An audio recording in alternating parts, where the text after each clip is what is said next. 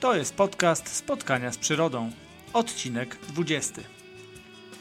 W tym odcinku kontynuujemy rozmowę z Ornithoholics, czyli Kasią Komarowską i Maćkiem Kowalskim.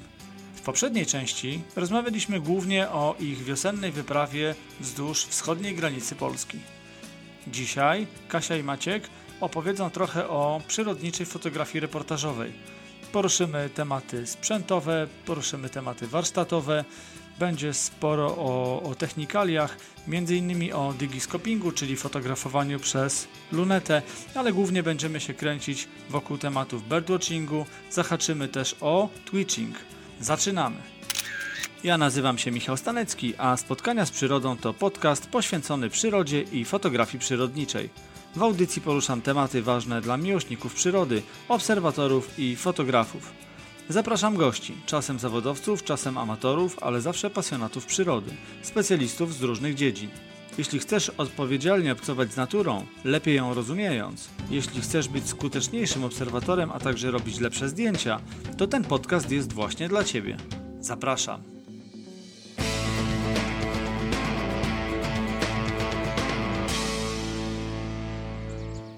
Witam Was w 20 odcinku podcastu.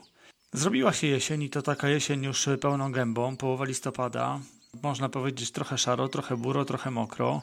Każda strona każdej pory roku jest y, warta docenienia i myślę, że tutaj prawdziwych przyrodników nie zniechęca do wyjścia w teren taka czy inna aura.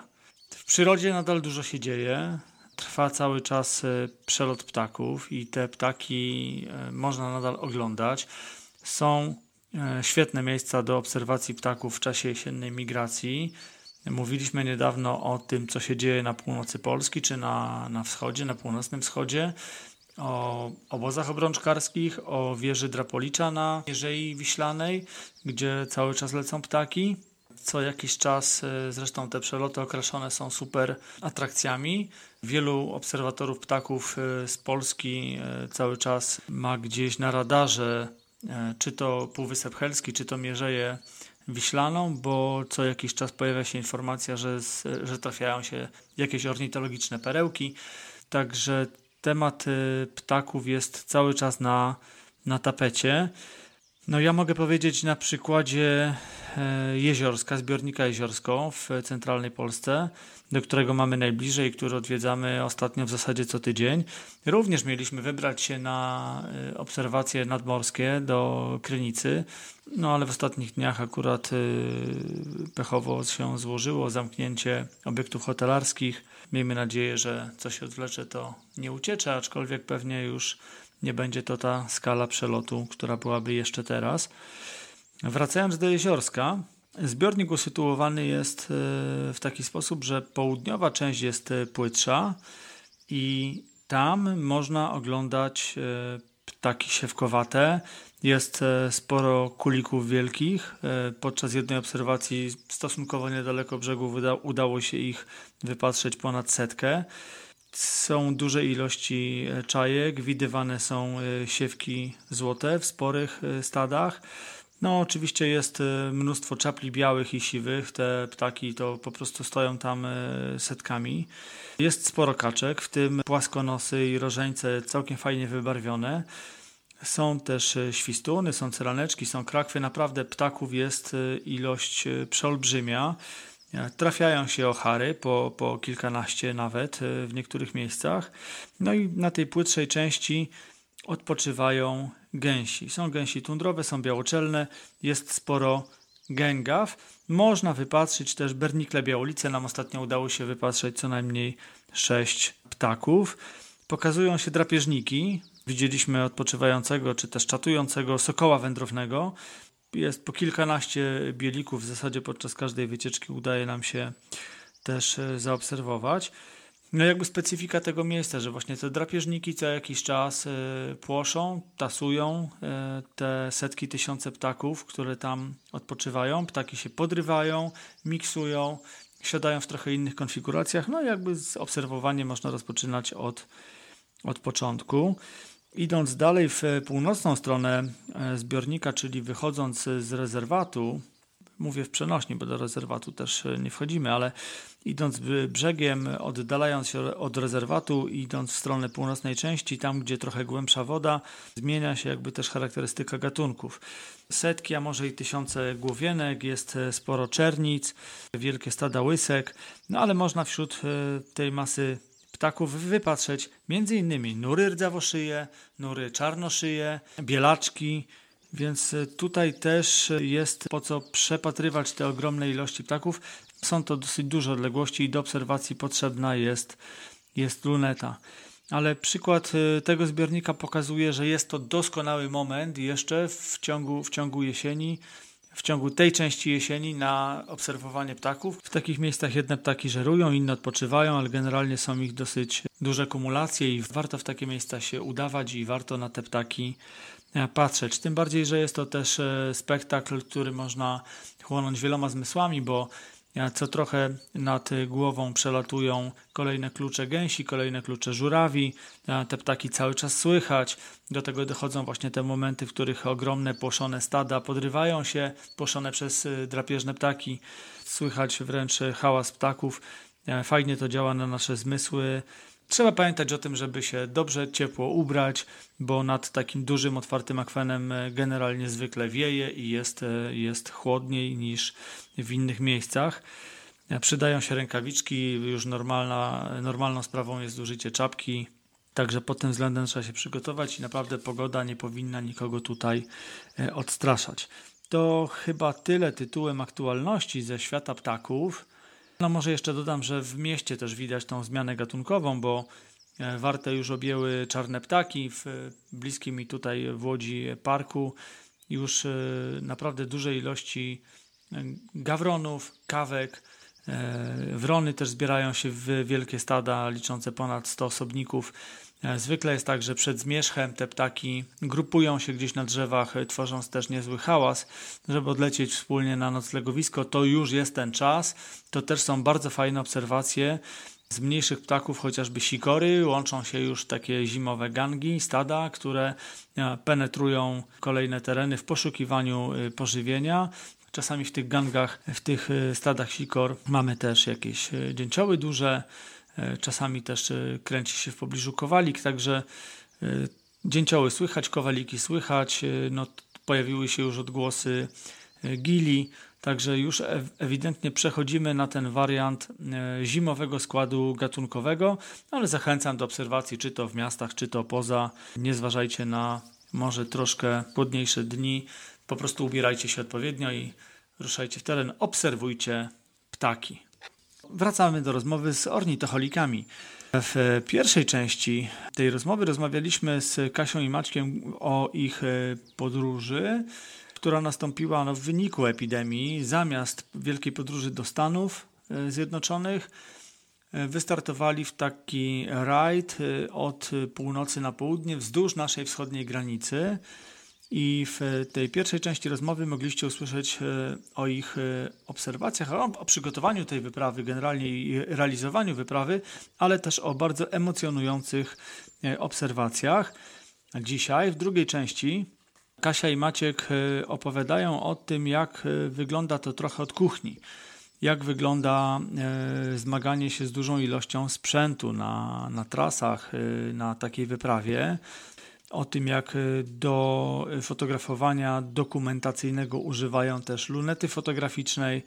Mówimy trochę o, o technikaliach. Y, no ja też pytam ich o to, czy fotografują, rejestrując swoje zdjęcia w JPEGach, RAWach, na co jest czas na takiej wyprawie, czy są możliwości, żeby siedzieć jeszcze nad obróbką i tak dalej.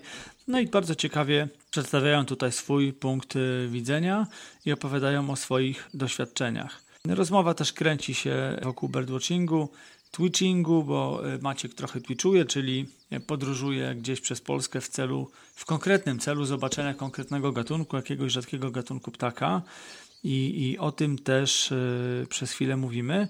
Myślę, że ta część rozmowy będzie nie mniej interesująca niż pierwsza i serdecznie zachęcam Was do jej, do jej wysłuchania.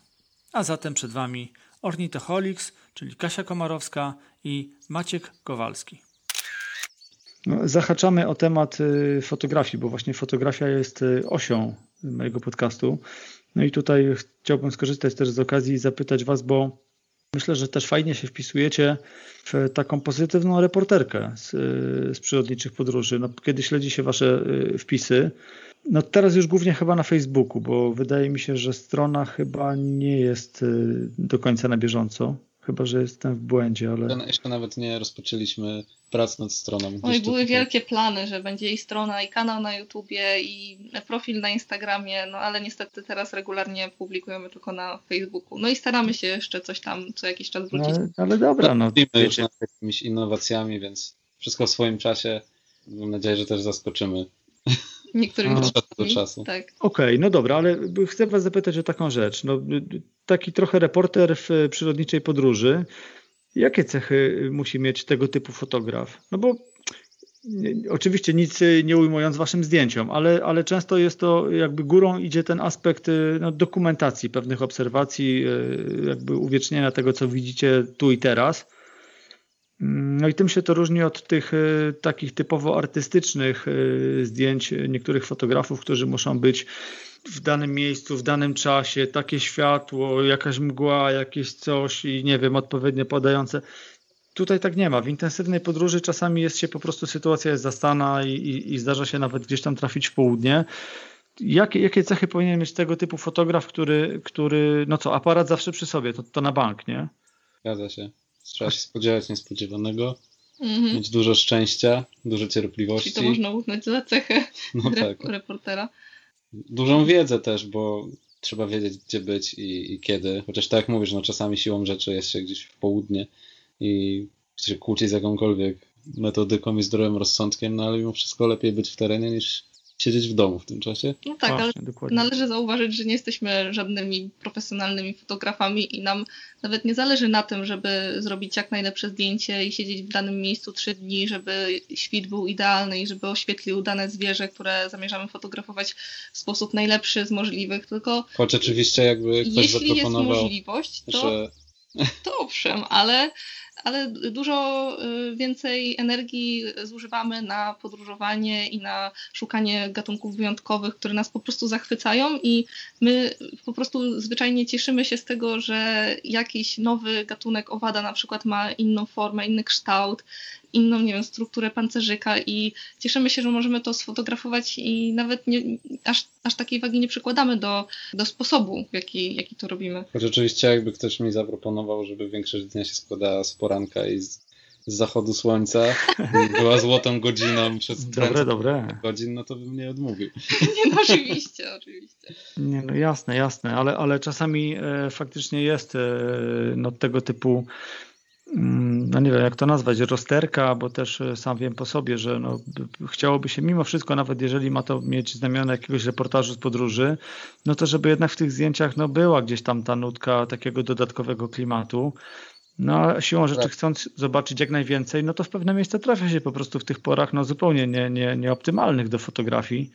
No tak. I mm. wtedy czasami trzeba też trochę jakiegoś sprytu i i powiedzmy inwencji twórczej, żeby tak mhm. tak zaaranżować, nie wiem, wyczekać ten moment, kiedy owad na przykład, czy ptak, który jest y, na tle rozżarzonego słońcem nieba, gdzieś na chwilę się pojawił na, na ziemi, no i już jakby to zdjęcie jest o 50% lepsze. Mhm. Możemy już coś na szybko pozmieniać ustawienia i, i nie no wygląda to aż tak bardzo niekorzystnie, jak jakby na to wskazywała pora dnia. Albo pomajstrować z ustawieniami właśnie, albo też e, zwrócić uwagę na tło i może dodać jakieś interesujące tło i niekoniecznie fotografować danego owada czy ptaka na tle nieba, tylko właśnie wykorzystać to, że może światło nie jest najlepsze, ale za to tło jest interesujące. Tym bardziej myślę trzeba łapać e, chwilę, może nawet bardziej niż e, siedząc w czatowni.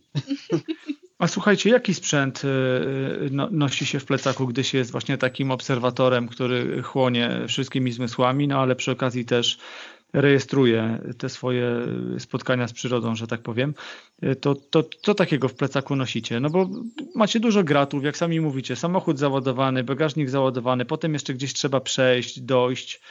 E, na aparacie się nie kończy, no bo przecież luneta, lornetka, to zakładam w ciemno, że, że to ze sobą targacie, statyw to chyba było podchwytliwe pytanie, bo zwykle w plecaku niestety nie można nic ponosić, tylko wszystko trzeba mieć na szyi tak, albo na ramieniu. Na. Ale no masz rację. to, to zwykle jest kilka obiektywów na różne okazje i do krajobrazów, czy do owadów, czy do ptaków. Trzeba mieć inny sprzęt. Do Czyli jakieś makro, jakieś tele i coś pomiędzy. Tak, i świetnie tutaj się uzupełniamy, bo y, jako, że fotografujemy w parze, to ja na przykład mam inne obiektywy, Maciek ma inne obiektywy, jesteśmy idealnie y, zgrani, jak na przykład wymieniać obiektywy w terenie. Od razu jak na przykład pojawia się owad, no to wie, wiemy, że z stałoogniskowej 400 musimy zejść do y, krótszego obiektywu i Maciek od razu bez słowa zdejmuje 400, ja już mu wyciągam następny obiektyw. Tak, w powietrzu czasem po, sobie tak, w powietrzu powietrzu, tak żeby ten czas, e, kiedy e, aparat jest bez obiektywu, skrócić do minimum i jesteśmy idealnie tutaj e, zgrani. Wypracowaliście system po prostu. Do tego oczywiście dochodzi sprzęt do obserwacji, czyli luneta, lornetki, jakiś tam aparacik do digiscopingu. Właśnie o to też miałem zapytać, czy też Wam się zdarza, że jednak tam, gdzie ten dystans no, już na ogniskową aparatu nie wystarcza, to wtedy posiłkujecie się taką formą fotografii? Jak najbardziej, i mhm. chociaż to nie jest y, może jakieś super profesjonalne rozwiązanie, które stosujemy. Nie, no czasami ale... chodzi o wartość po prostu, nie? Dokumentacyjną, a nawet nieraz naukową, nie? W tym sensie. Zgadza się. Mhm. Y, no, nawet może masz rację, że częściej jest to właśnie wartość naukowa, no bo jednak bardzo często te ptaki, które musimy sfotografować metodą dygiskopingu, no to są jakieś rzadkości. No i tutaj taka chałupnicza metoda jakiegoś małego aparaciku czy telefonu z przyłożenia, fotografia przez lunetę, e, okazuje się, że robi dobrą robotę, jeżeli się właśnie osiągnie odpowiednią wprawę, a na początku też wiele osób e, sceptycznie do tego podchodziło, jak im opowiadałem, że fotografuję z ręki bez adapteru.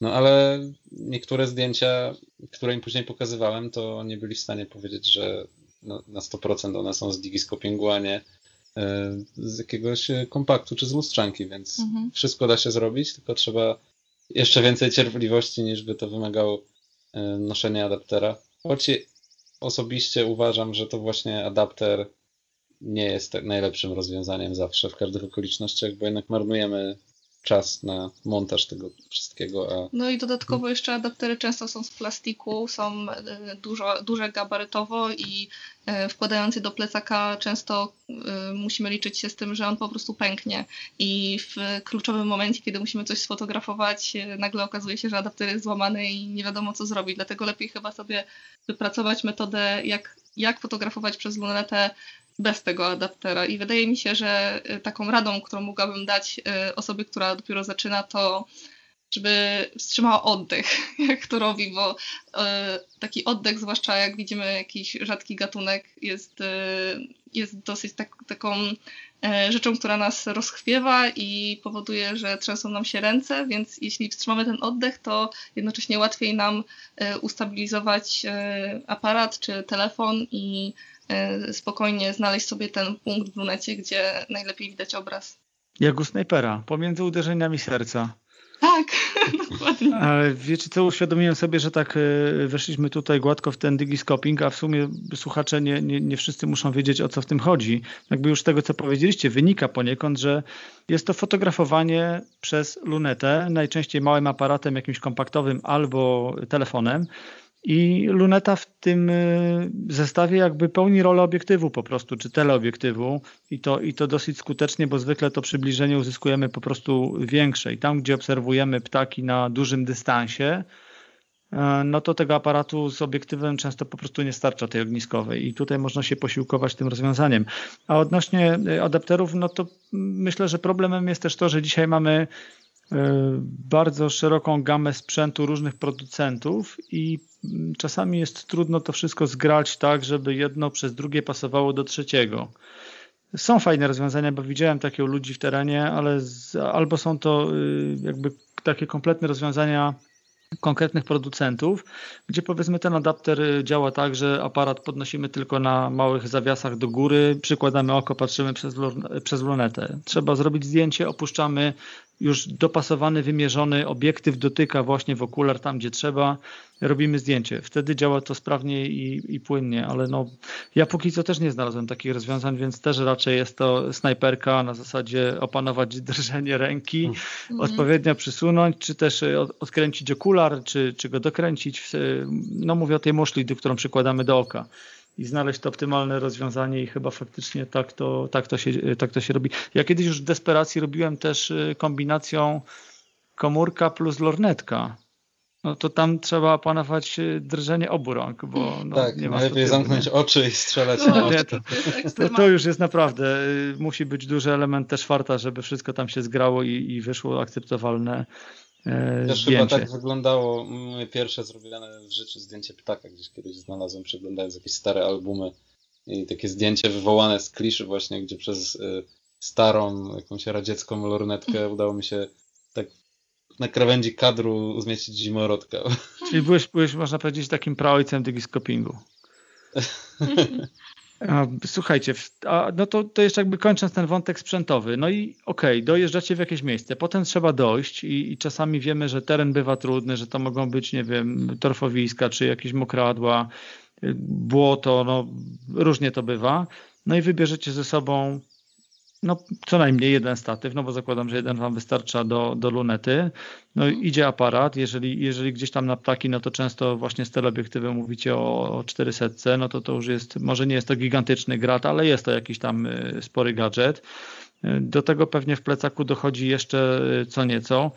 No, lornetka na pewno jest, jest na szyi. Jak tutaj, nie wiem, wypracowaliście sobie jakieś metody no, walki z tymi gratami, bo ja powiem wam szczerze, że czasami jest tak, że gdzieś tam idę i w pewnym momencie sobie myślę, że jakbym to chętnie pierdyknął w to było to i po prostu zostawił, sobie tylko lornetkę. Nie, nie, nie wiem, czy to znacie to uczucie, ale są takie momenty, naprawdę. Tak, człowiek walczy w kaloszach gdzieś tam, prawda, z gruntem, a tutaj po prostu wisi z jednej strony to, z drugiej to, tu się zaczepia, tam coś nie, nie halo. No, no tak, woda w butach.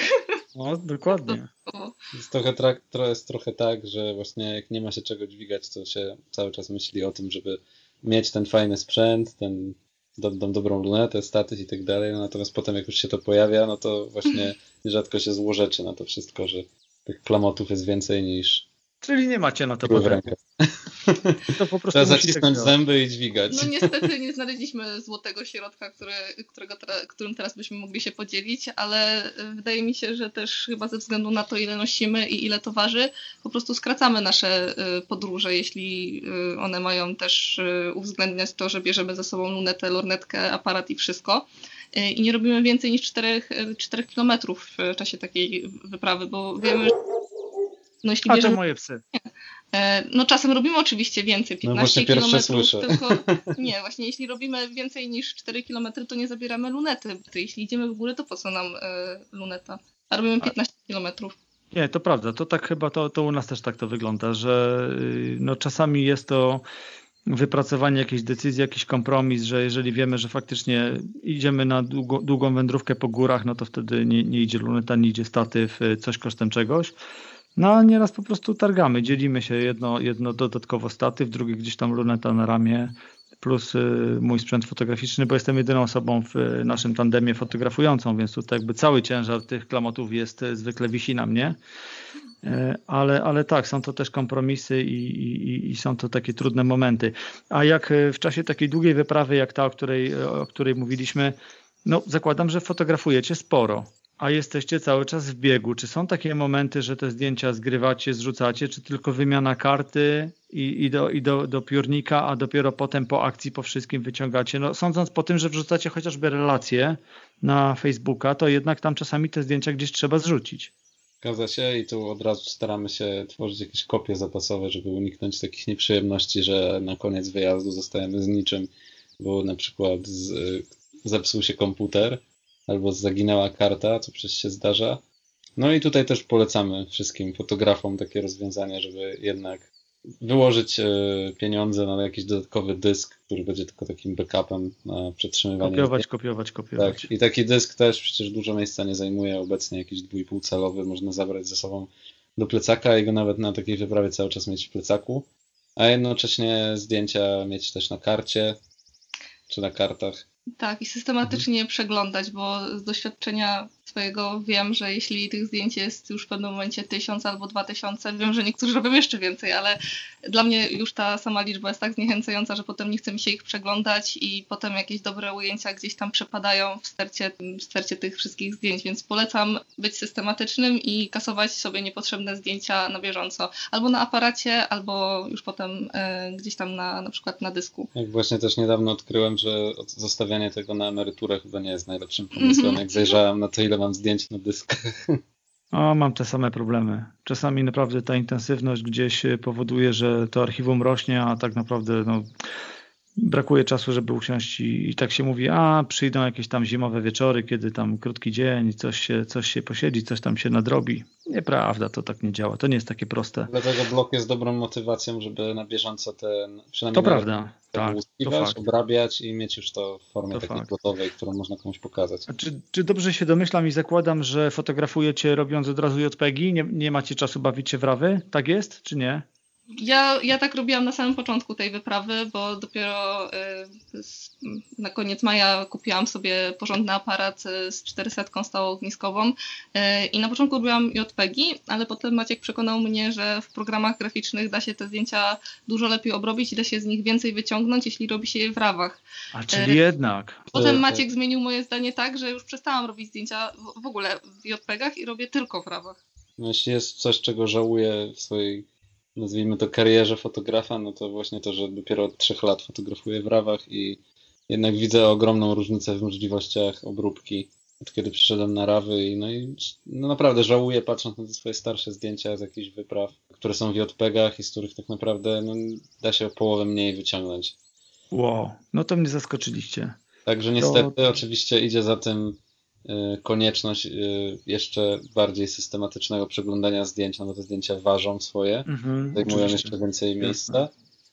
No ale może z drugiej strony to i dobrze, bo jest jakiś taki nacisk mhm. tych rawów na to, że, na, żeby je sprzątać. To ja, ja, bo mam w planach na właśnie długie zimowe wieczory taki techniczny odcinek podcastu, w którym e, zamierzam porozmawiać ze zwolennikami bezlusterkowców i aparatów, e, no powiedzmy klasycznych lustrzanek, które dalej jeszcze mają się doskonale i, i również zestawić te dwa tematy, e, czyli JPEG versus RAW. Już teraz wiem, kto będzie kandydatem do rozmowy o tym, dlaczego tylko rawy. Czy ja cały czas robię w JPEGach, każda taka osoba, która z taką stanowczością jak wy mówi o tym, że kurde, odkryliśmy te rawy jednak za późno, trzeba było robić, bo się więcej wyciągnie, coś się uratuje, no to gdzieś tam z tyłu głowy zapala się światełko, że może jeszcze raz spróbować. No właśnie, nic, nic nie szkodzi spróbować, a naprawdę można się wkręcić w fotografowanie w rawach. Dobra, to nie drążymy już tematu fotografii, bo trochę już odpłynęliśmy. Powiedzcie, czy oprócz, y, oprócz zdjęć, y, jak dokumentujecie swoje obserwacje? Jak to wygląda w przypadku takiej wyprawy, jaką jedziecie? No bo zakładam, że pewnie prowadzicie jakieś listy swoich obserwacji i nie jest to jedna, dwie, tylko znając życie jest ich co najmniej kilka. Mam rację? Tak, są mhm. te listy, jest też notatnik na bieżąco prowadzony no, do takiej podróży intensywnej. No Czyli zwykły kajecik, ołówek na tej zasadzie, nie jakieś tam notatki elektroniczne? No w naszym przypadku są to notatki elektroniczne. Ale później przepisywanie do kajecika. Znowu nie trafiłem. no to przepisywanie do kajecika później y, jest porównywalne do porządkowania zdjęć, bo czasami, no właśnie ostatnio miałem ten nieprzyjemny obowiązek przepisania do kajecika jakiegoś ostatniego roku w, w telefonie gdzieś tam zapisanego po notatniku i no mimo wszystko lubię prowadzić też taki tradycyjny notatnik, bo jakoś tak się nauczyłem da dawniej jeszcze wkręcając w temat obserwacji przyrody i jakoś chyba te zeszyciki zapisane obserwacjami będą mi towarzyszyć już zawsze, chyba się tego nie pozbędę. I no też daje to większe możliwości, jeżeli chcemy później te obserwacje gdzieś udostępnić w jakichś internetowych kartotekach, gdzieś tam się szybko przekopać, a poza tym ja jestem akurat trochę takim też tradycjonalistą, jeśli chodzi o zapisywanie obserwacji. Dobry notatnik to dobry notatnik jednak. Powiedzcie w takim razie, czy mm, pomijając ten aspekt y, naukowy, do którego co jakiś czas nawiązujemy, i to też dotyczy między innymi Waszych obserwacji i odpowiedniej dokumentacji z tego typu y, rzeczy. Tak y, czysto z pasji prowadzicie swoje listy, tak jak na przykład większość ptasiarzy prowadzi, no nie jedną, a zwykle więcej, no bo jest jakaś życiowa, jest krajowa, czy są, nie wiem, czy jest choćby słynny Big Year, nie? czyli ta, ta zabawa w to, ile, ile w ciągu roku od stycznia do grudnia zobaczymy na terenie kraju gatunków. No wy tutaj machnęliście tyle, ile ja średnio robię w rok, to machnęliście tutaj jeszcze dwa miesiące, nie? bo ja tak oscyluję między 180 a 200 gatunków.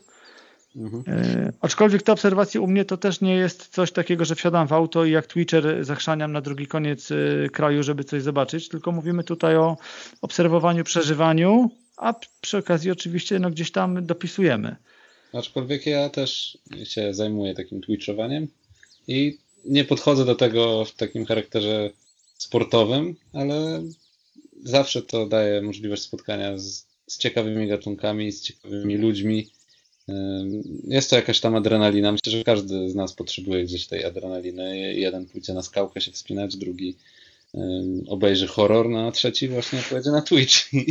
A dodatkowo takie twitchowanie mimo wszystko, będę się przy tym upierał, nie jest pozbawione zupełnie walorów jakichś takich rozwojowo-naukowych, no bo mimo wszystko poza tym obserwowaniem dla przyjemności, poza twitchowaniem, no na przykład zajmuję się też różnymi projektami badawczo-naukowymi i to wszystko da się super łączyć.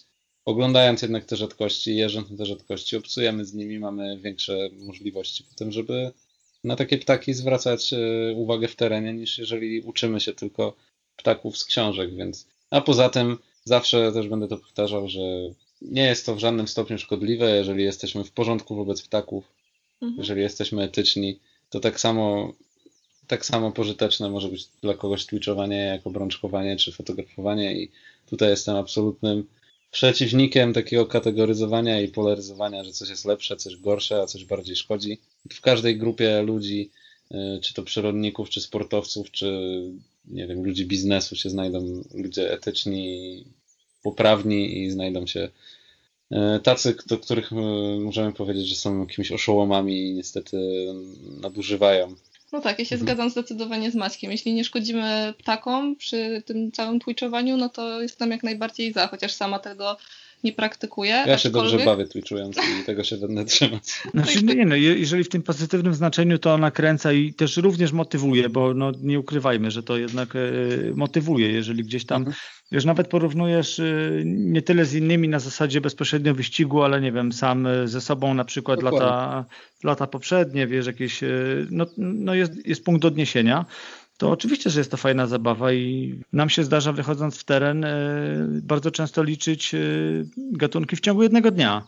I robimy to w, w zasadzie na przestrzeni całego roku, w każdym miesiącu, gdzieś tam też się potem e, odnosimy. Tym bardziej, że teraz często jest tak, że przez te, nazwijmy to, zmiany klimatu, no tam pewne sprawy się gdzieś poprzesuwały e, w przyrodzie, więc też, też widzimy pewne różnice. Jest to na pewno jakiś dodatkowy element motywacyjny do, do, do aktywności w terenie, ale przez taki aspekt nawet zabawy, nie? Zgadza się. A jeśli już mówisz o zabawie i o listach, no to... To daj mi powiedzieć, bo ja to, ja to miałam powiedzieć. Dobra. W każdym razie Maciek ma jeszcze taką świetną listę oprócz tych y, rocznych, miesięcznych czy, czy w ogóle życiowych. Y, mamy taką listę y, ptaków, które nam się przyśniły. Wow. Maciek mnie tego nauczył. Nazywa się Dream Lista Ekstra. i tam odnotowujemy sobie gatunki, które nam się przyśniły. Ja mam 188 bodajże teraz.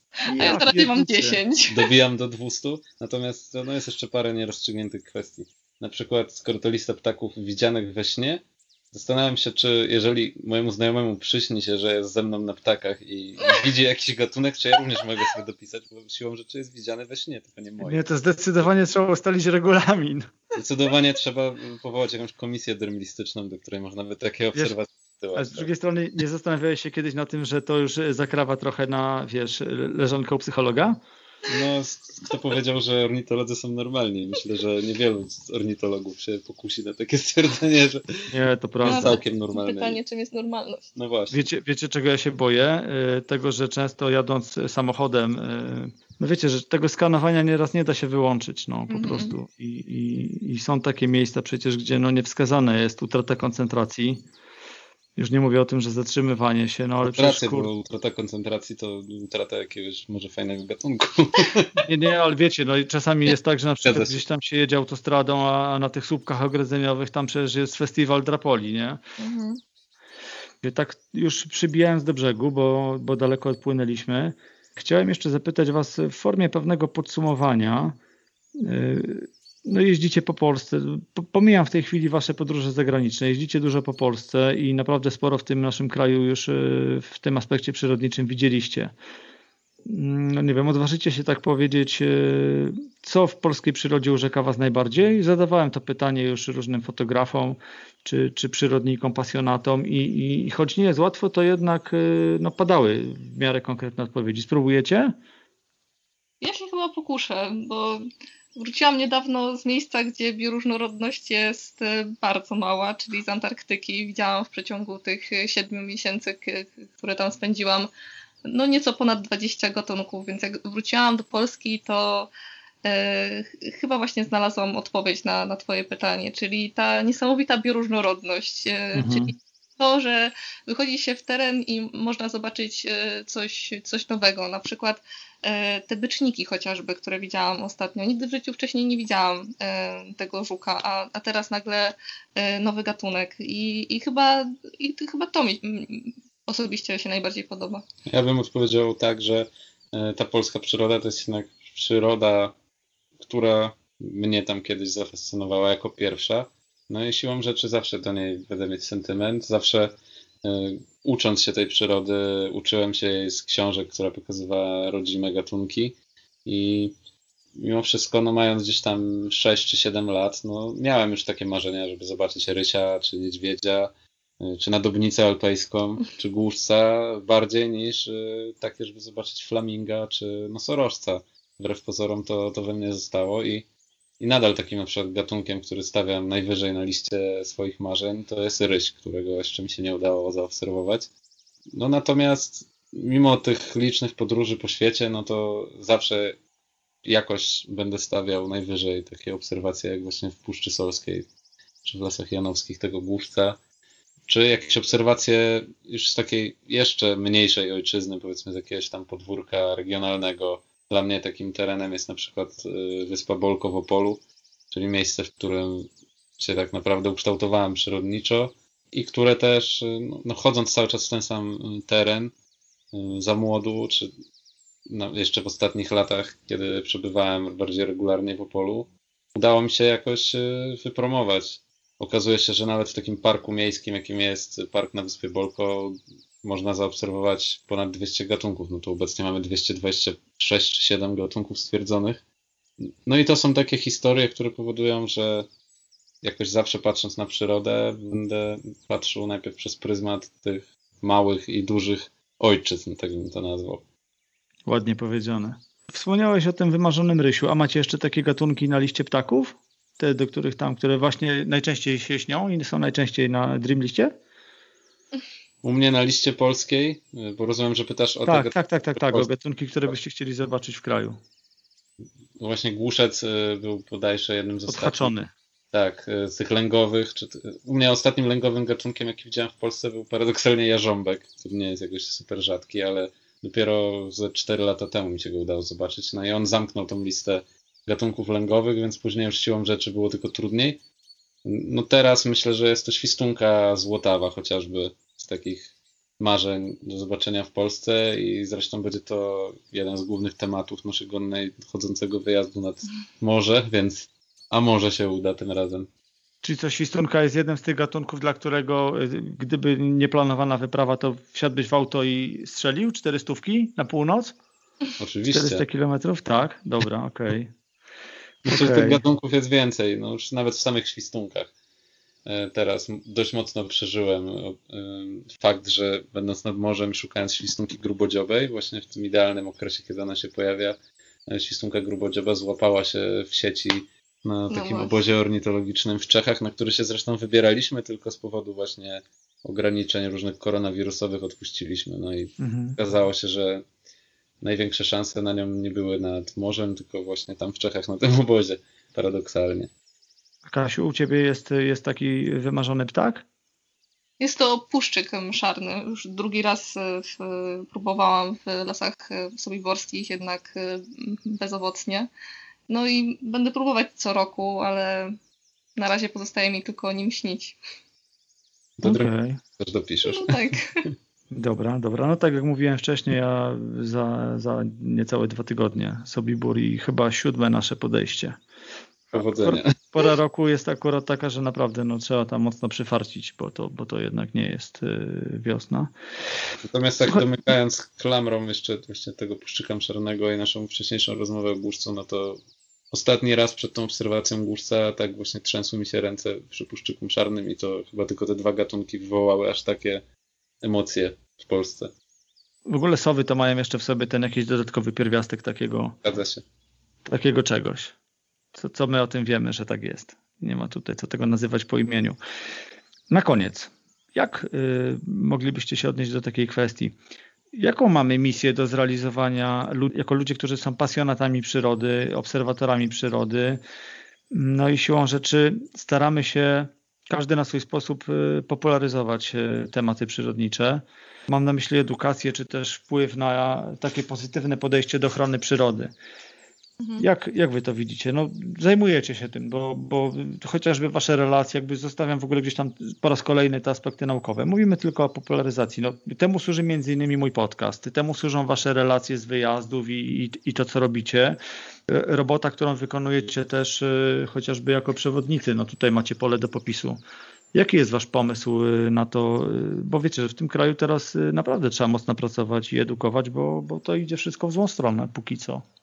Tak, masz rację. I może wydawać się e, po naszych postach, że stawiamy po prostu zdjęcia i robimy to bez jakiejś większej refleksji e, na temat naszej misji czy celu publikacji tych zdjęć, ale tak naprawdę za tym wszystkim kryje się taka szczera chęć pokazania ludziom e, piękna naszej przyrody, bo wychodzimy z założenia, że dużo łatwiej jest przekonać ludzi do czegoś, co sami, co sami nazwą e, czymś pięknym, czymś wartościowym, niż na przykład straszyć ludzi, że bez tego, bez, e, bez tej przyrody, bez bioróżnorodności e, po prostu przepadniemy jako gatunek. Dużo łatwiej jest właśnie zarazić czymś pozytywnym niż negatywnym. To wynika z naszej chociażby psychologii, czy wynika z naszych preferencji. No, dużo bardziej lubimy się zajmować czymś, co nas interesuje, niż czymś, co nas, czego się boimy. Czasy rzeczywiście Jasne. są najlepsze dla przyrody w Polsce, ale z drugiej strony, jak tak sięgam pamięcią, to problemy takie, jakie mamy obecnie, to, to ja, ja kojarzę przez całe swoje życie, takie świadome, przyrodnicze, czyli jakieś tam niekorzystne inwestycje, tak jak były, tak są. Temat myśliwych, temat gatunków inwazyjnych, temat kotów wolno żyjących i tutaj można by wymieniać i wymieniać. Mhm. I tak naprawdę te problemy nadal są, a nam zostaje tylko nadal zaciskać zęby i edukować, i edukować, mhm. i edukować i, i liczyć na to, że po kolei jedna za drugą osobą będzie jakoś zmieniać swój pogląd na te drażliwe kwestie, a naprawdę w wielu kwestiach naprawę tej przyrody, naprawę świata możemy zacząć od siebie. No, dzisiaj mamy też trochę więcej narzędzi do tego i przynajmniej teoretycznie jest ten potencjał trochę większy i powinno być może ciut łatwiej, bo przecież wiecie, no są YouTube, są, są no, kto słyszał kiedyś o podcastach, o tego typu rzeczach, gdzie nie jest się na antenie jakiegoś radia gościnnie przez 10 minut, gdzie tak naprawdę nic się nie zdąży powiedzieć, tylko można gdzieś rozwinąć temat i podyskutować głębiej, dotykać pewnych kwestii no to chyba i tak wszystko sprowadza się właśnie do takiej nieagresywnej edukacji, no bo to, to klucz i z tym się zgadzają wszyscy. I właśnie tego się chcemy trzymać jako ornitoholics. Choć to, czasem to nerwy puszczają, niestety. Jak widzi się poziom edukacji ekologicznej wśród Polaków, z którymi się rozmawia na przykład na temat e, gatunków inwazyjnych, no to rzeczywiście człowiek musi mieć naprawdę naprawdę musi mieć mocną psychikę i musi potrafić opanować nerwy, żeby czasem e, nie wpaść w złość. Natomiast no, pamiętamy cały czas o tym, że to właśnie my to przecież możemy zmienić i, mhm. i chcemy to zmienić, więc tutaj jak najbardziej jakieś takie osobiste ambicje trzeba czasem schować do kieszeni, żeby pokazać całe też to środowisko, które swoją drogą reprezentujemy jako to właściwe mhm. jako to, które opiera się o wiedzę, a nie o jakieś tam inne przesłanki. nienaukowe i jest co robić i na pewno nie zamierzamy zaprzestać tego obranego kierunku. Dobrze wiedzieć. Myślę, że, że fajną drogę wybraliście i fajnie, fajnie sobie z tym radzicie i e, no, oby tak dalej. Ostatnie pytanie. Gdyby ktoś e, przyszedł do Was i zapytał, kurczę, zjechaliście ten kraj szerz i wzdłuż, ja mam, jestem takim początkującym obserwatorem, przyrodnikiem, dopiero się tak e, zacząłem w te wszystkie tematy wtapiać. Będę mieć dwa tygodnie urlopu. Słuchajcie, gdzie by tu pojechać? Co byście polecili tak na, na pierwszy ogień? No i właśnie, co byście, co byście komuś... Dobra, to tak naprawdę jest ciężkie pytanie, ale... Ja, wiesz, no, nie jest lekkie, ale, ale, no. ale pyta... ja jakby tylko doprecyzuję. Czy poszlibyście w to, co w tematy takie mocne, głośne i wypromowane, jak Puszcza Białowieska, czy Dolina Biebrzy, czy, czy Bieszczady, czy, czy jednak y, gdzieś tej ścieżki byście zeszli i raczej w odkrycie czegoś, co właśnie jest jeszcze nie do końca odkryte, mniej komercyjne, mniej zadeptane? Jakim szlakiem byście tutaj polecili iść? w dużej mierze zależy od y, czasu i od. Y, no, Słuchaj, dwa tygodnie urlopu. Klasyka. Od, od, od pory roku, o, o, to mi chodziło. Jeśli na przykład wiosna, no to zdecydowanie ja bym polecała Białowieżę dla takiej osoby.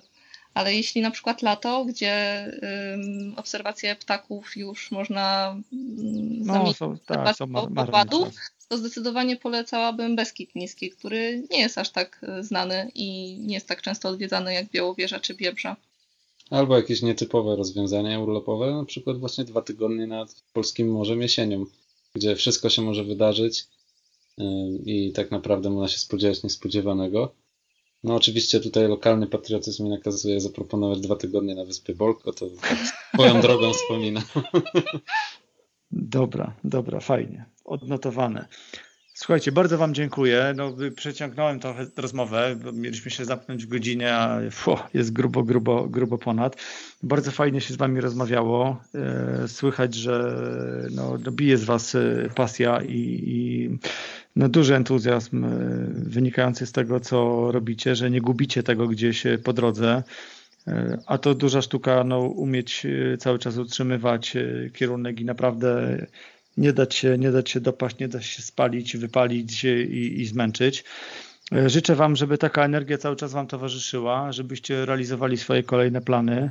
Jeździli, śmigali, dopisywali do listy, obserwowali, cieszyli się, fotografowali. No a przy okazji gdzieś tam opowiadali ludziom o tym, jaką mamy fantastyczną przyrodę i dlaczego warto ją cenić, chronić, próbować rozumieć. Tego wszystkiego Wam życzę i bardzo Wam dziękuję. Dziękujemy. Dziękujemy również, było nam bardzo miło i oczywiście zapraszamy wszystkich zainteresowanych tą tematyką do odwiedzin naszego bloga na Facebooku. Jak zawsze przy każdym odcinku oczywiście wszelkie wątki czy przywołane jakieś konkretne tematy e, będę linkować w notatkach do tego odcinka na stronie mojego bloga. Mm, spróbujemy tam e, wrzucić też e, trochę Waszych zdjęć, ale przede wszystkim będą to odnośniki do tego, gdzie można Was znaleźć, gdzie można na bieżąco e, kibicować Waszej szlachetnej działalności. Także tak to, tak to będzie działać. Raz jeszcze dziękuję. Dzięki, Dzięki. cześć. Wysłuchaliście drugiej części rozmowy z Kasią Komarowską i Maćkiem Kowalskim, czyli z Ornitoholics. Mam nadzieję, że, że będziecie teraz e, kibicować tej parze, będziecie śledzić ich doniesienia, chociażby na stronie e, facebookowej, a być może gdy ruszy ich strona internetowa, również e, będziecie to będziecie to śledzić, będziecie im kibicować. Myślę, że tacy ludzie też fajnie nas inspirują, pokazują co można, że można, że może się chcieć, że warto podsuwają też pewnego rodzaju pomysły, choćby do organizowania tego typu przyrodniczych podróży. Dla mnie była to rozmowa bardzo, bardzo cenna, bardzo fajnie się rozmawiało. Raz jeszcze dziękuję Kasi i Maćkowi, a Wam serdecznie polecam kibicowanie ich przyrodniczej i ekologicznej działalności. Przejdźmy teraz do rekomendacji. Obchodzimy w tym roku 25-lecie Związku Polskich Fotografów Przyrody. I takim najmocniejszym akcentem e, tego 25-lecia będzie 16. Międzynarodowy Festiwal Fotografii Przyrodniczej, czyli Wizja Natury, który w tym roku wyjątkowo odbędzie się w e, takiej formule online. W konkretnych dniach, w konkretnych okresach, tutaj mamy według najnowszych informacji trzy takie, mm, takie terminy. Załączę link do tego festiwalu i tam będziecie mieli informacje o konkretnych y, datach. W każdym razie sygnalizuję tylko temat, bo podczas tych spotkań online będziecie mieli możliwość uczestniczyć w, chociażby w wielu warsztatach. Będzie tam wielu zacnych gości. Będą podejmowane kolejne tematy powiązane z fotografią przyrodniczą, czy to warsztaty dotyczące fotografowania krajobrazów, czy ptaków, czy owadów. I naprawdę y, lista gości jest bardzo fajna. Także tutaj serdecznie zachęcam, bo będzie to można zrobić zupełnie darmowo, gratisowo. Po prostu trzeba będzie w odpowiednim terminie śledzić odpowiednie media, o tak bym powiedział. E, wśród, y, jak wspomniałem, zacnych gości są też y, osoby, z którymi rozmawiałem w moim podcaście. Jest m.in. Katarzyna Gubrynowicz, którą rozmawialiśmy o fotografowaniu krajobrazów. Jest Michał Ludwicza, który już kilka razy się pojawiał. Michał będzie mówił m.in. o wykorzystaniu starych obiektywów w takiej ultra nowoczesnej e, cyfrowej fotografii. Jak powiedziałem, do tego wydarzenia też podrzucę Wam link, będziecie mogli sobie je śledzić. W części drugiej rekomendacji będzie książka Oczywiście książka być musi. Tym razem nie kryminał, ale znowu powieść, tym razem obyczajowa, wydana przez Marginesy. Jest to książka autorstwa Ewy Meyer, holenderskiej pisarki. Zresztą Ewa Meyer jest pisarką, ale też filozofką, plastyczką, pisze teksty piosenek, które też wykonuje i napisała książkę Dom Ptaków Książka opisuje radość, jaką czerpała ona z niezwykłego związku ze światem przyrody, porzucając miasto i oddając się swej jedynej prawdziwej pasji, czyli ptakom. O tej książce Marek Pióro, czyli autor bloga i książki Plamka Mazurka, napisał tak. Kilka lat temu miałem w budce lęgowej w ogrodzie Bogatki. Mogłem podziwiać pracowitość, z jaką dokarmiały pisklęta. Ta skrupulatność była mi bardzo na rękę, gdyż z mojego i sąsiadów ogrodów zniknęły tysiące niepożądanych owadów. Pomimo tego patrzyłem na nie jak na typowe ptasie muszczki. Lektura Domu Ptaków zrewidowała mój pogląd na te sikory. Dzięki niej odkryłem, że życie bogatek jest naprawdę bogate. Tak Marek Pióron napisał o książce Dom Ptaków Ewy Meyer. Tę książkę dzisiaj Wam polecam, rekomenduję. Druga książka to już typowa opowieść o ptakach autorstwa Easter Wolfson, wydana przez wydawnictwo WAB. Książka zatytułowana Corvus Życie wśród ptaków. Autorka z czułością i humorem pisze o zwierzętach, o empatii, przełamywaniu stereotypów i przyjaźni ponad gatunkami. Pisze także o tym, jak wiele według niej tracą ludzie uważający się za koronę stworzenia. Snując opowieść o swoim szkockim domu pełnym skrzydlatych lokatorów, Ulfson pisze o faktach i mitach związanych z ptakami, a w szczególności z krukowatymi. Tak zarekomendował książkę The Times. The Observer napisał: Ulfson ma dwie najważniejsze cechy autora książek przyrodniczych: bystre oko i niesamowitą ciekawość. Korwus rozprawia się z powszechnym przekonaniem, że tylko rzadkie i egzotyczne zwierzęta zasługują na uwagę i ochronę. Lech Wilczek napisał za to tak. Jest to książka niezwykła. Zakochana w krukowatych autorka ma wiedzę o ptakach godną ornitologa. Zdumiewa czytelnika swoją refleksyjnością, przenikliwością, rozległością barwnych skojarzeń i odniesień, sugestywnym językiem, wrażliwością i wyobraźnią poety.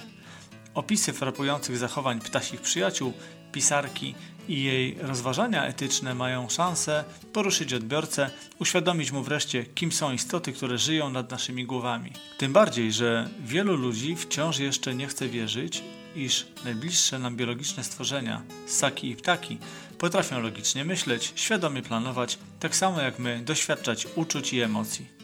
To, co Easter Ulfson pisze o krukowatych, znajduje pełne potwierdzenie w moich własnych obserwacjach. Tak o książce Korwus Życie wśród ptaków napisał Lech Wilczek. Polecam Wam tę książkę, naprawdę świetnie się ją czyta, tym bardziej, że no, dotyka ona ptaków, które, gatunków, które doskonale e, znamy z własnych obserwacji, bo przecież wystarczy wyjść w okresie jesienno-zimowym gdzieś e, przed, przed dom do najbliższego parku i możemy obserwować wrony, sroki i właśnie gawrony.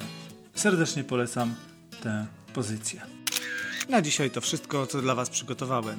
Jak zawsze zachęcam Was do pisania komentarzy, w których możecie odnieść się do treści poszczególnych odcinków, zadawać pytania, podsuwać pomysły na kolejne tematy, czy po prostu wyrażać swoje opinie na temat mojego podcastu. Dziękuję Wam za wysłuchanie tego odcinka. Naturalnie usłyszymy się już wkrótce. Cześć! Jeśli podoba Wam się mój podcast, to możecie go polubić w źródłach, z których go słuchacie. Możecie go subskrybować albo udostępniać swoim znajomym. Takie działania to dla mnie nagroda za wykonaną pracę, możliwość pozyskania nowych słuchaczy, a dla podcastu dodatkowa promocja. Dziękuję Wam za słuchanie kolejnych odcinków.